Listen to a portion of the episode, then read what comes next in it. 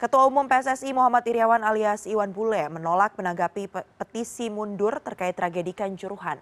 Iwan Bule menyatakan bahwa ia bekerja sesuai dengan aturan.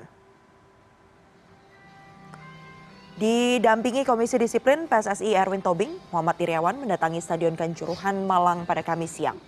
Kedatangannya untuk melihat secara langsung pintu-pintu stadion sebagai gambaran data bila ada pemeriksaan dari tim gabungan independen pencari fakta. Peninjauan difokuskan pada seluruh akses keluar masuk penonton, terutama pintu 12, 13, dan 14. Usai meninjau lokasi, Muhammad Iriawan pun disinggung soal petisi mundur. Ia mengaku menolak mundur dengan dalih tanggung jawabnya adalah bertemu para korban, melihat lokasi, mendoakan, serta memberikan santunan.